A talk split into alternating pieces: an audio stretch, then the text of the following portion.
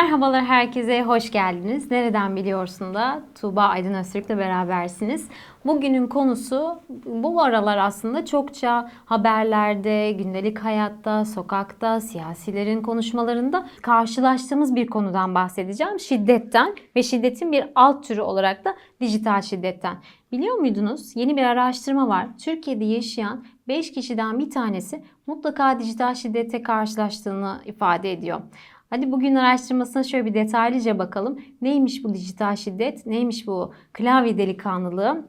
Neymiş bu linç kültürü ve sürekli sosyal medyada karşılaştığımız öfke dili konuyu anlamaya çalışalım. 2021 yılının son günlerinde Türkiye'de dijital şiddet araştırması Toplumsal Bilgi ve İletişim Derneği tarafından gerçekleştirildi. E, araştırmanın sonuçları bize gerçekten de enteresan bilgiler veriyor.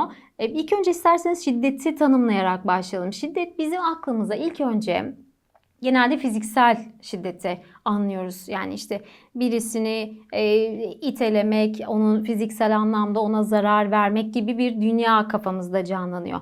Ama aslında şiddet toplumun her alanında çokça görülen ve bizim her daim maruz kaldığımız hatta bazen fark etmediğimiz bir konu başlığı.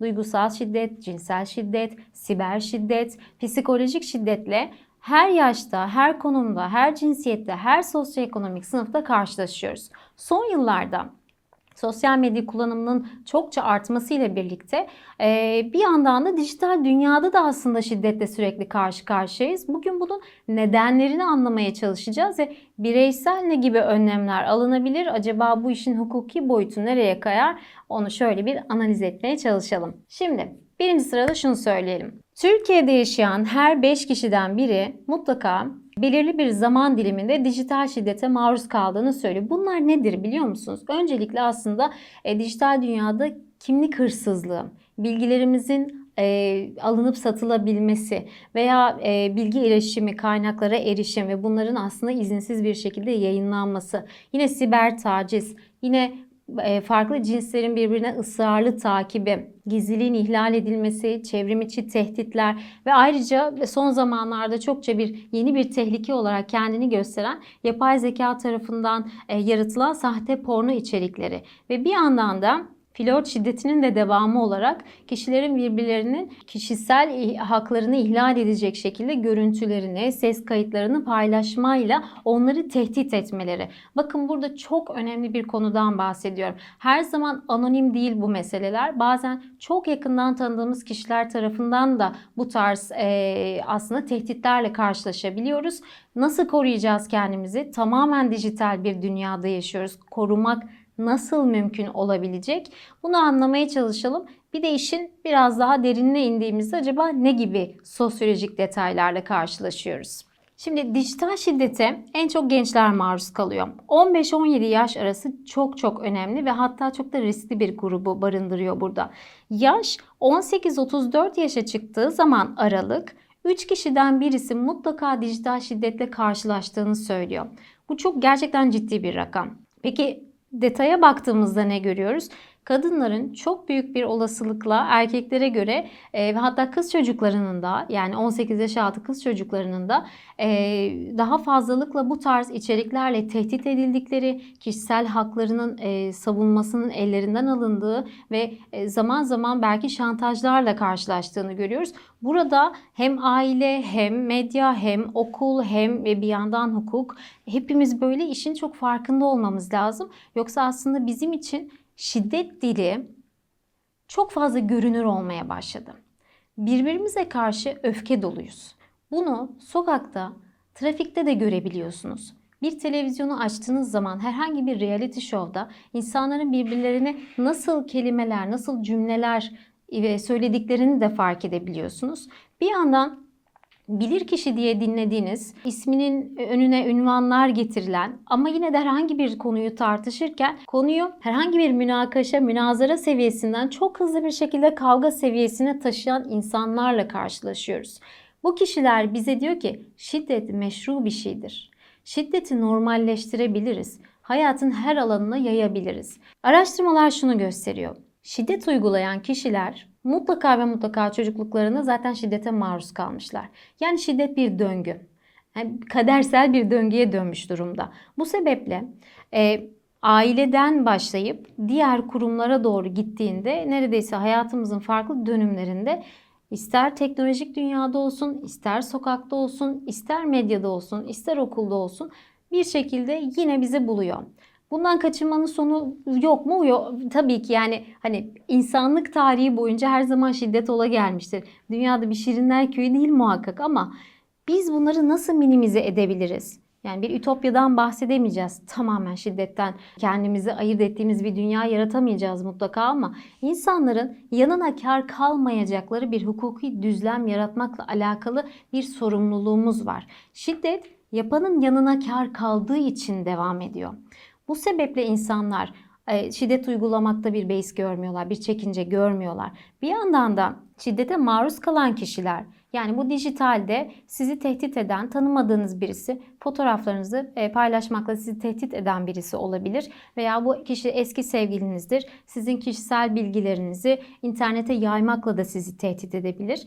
Burada şiddete uğrayan kişi gerekli mercilere şikayetlerini yapsa bile bir sonuç alamayacağını biliyorsa eğer şikayet etmekten kendini geri tutmuş oluyor. Bu da aslında oradaki korku hükümdarlığını çok besleyen bir konu ve şiddeti bir türlü çözümleyememiş oluyoruz. Araştırmaya geri dönersek dediğim gibi en fazla gençler dijital şiddet mağduru. Kadınlar erkeklere göre daha fazla bu konuda mağdurlar ama erkekler de farklı konuda bir mağduriyet yaşıyor. Kadınların genelde cinsiyetleriyle ve fiziksel görünümleriyle ilgili bir sıkıntı var. Erkeklerde de siyasi görüşleri, etnik kökenleri, e, mezhepsel kökenleriyle alakalı çokça eleştiri aldıklarını ve hatta tehdide kadar varan dijital bir şiddetin içinde olduklarını biliyoruz. Ayrıca şöyle bir toparlamak gerekirse araştırma sonuçlarına da tekrar şöyle bir göz attığımda internet dünyası olabildiğince anonim bir dünya. Yani bu da bizi nasılsa kendi kimliklerimizle orada değiliz. Bir başkasının rolünü oynayabiliyoruz diye gayet hızlı bir şekilde klavye delikanlısına dönüştürebiliyor. Bu sebeple de sanki yaptığımız hiçbir suçun bir karşılığı yok ve yaptım oldu bitti gibisinden e, bir algıya yol açıyor. Bu anonimlik aslında dijital şiddetin en çok tanımadıklarımızdan ve işte troller tarafından e, bizler bizlerin aslında e, kişisel ihlal güvenlik ihlallerine yol açtığını gösteriyor. Son olarak şöyle söyleyerek tamamlamak lazım belki. Bu arada ben böyle 60 sayfaya yakın bir rapor bu. Türkiye'de dijital şiddetin geçmişi, bugünü, geleceği ile ilgili bir hani daha fazla bilgi sahibi olmak isteyenlere ve özellikle gençlerle çalışanlar, öğrencilerle çalışanların mutlaka bir göz atmasını isterim. Şunu söylemek lazım. Dijital şiddet konusu ya da şiddetin bir alt dalı olarak alıyorum bunu. Şiddet konusu mutlaka bireysel dikkat edilebilecek konular vardır. Hani burada güven sarmalında biraz daha belki kişisel bir e, önlemler alma durumu olabilir. Ama meselenin bireysel olmadığının altını çizmek lazım. Mesele hukuki boyuta taşınması gereken bir mesele ama aslında çözüm şurada değil. Zaman zaman dünyada da bu tarz olaylar çok ayyuka çıktığı zaman e, o zaman sosyal medyayı kapatalım tartışmalarına çok hızlı bir şekilde zemin hazırlayabiliyor. Herhangi bir X sosyal medyayı kapatmak demokrasiye çelme takmak olur. Bu değildir çözüm. Buradaki kontrol mekanizmasını iyi işletmektir ve bir şekilde mağdurun mağduriyetini e, geçirmeye yönelik aslında önlemler alabilmekle alakalıdır.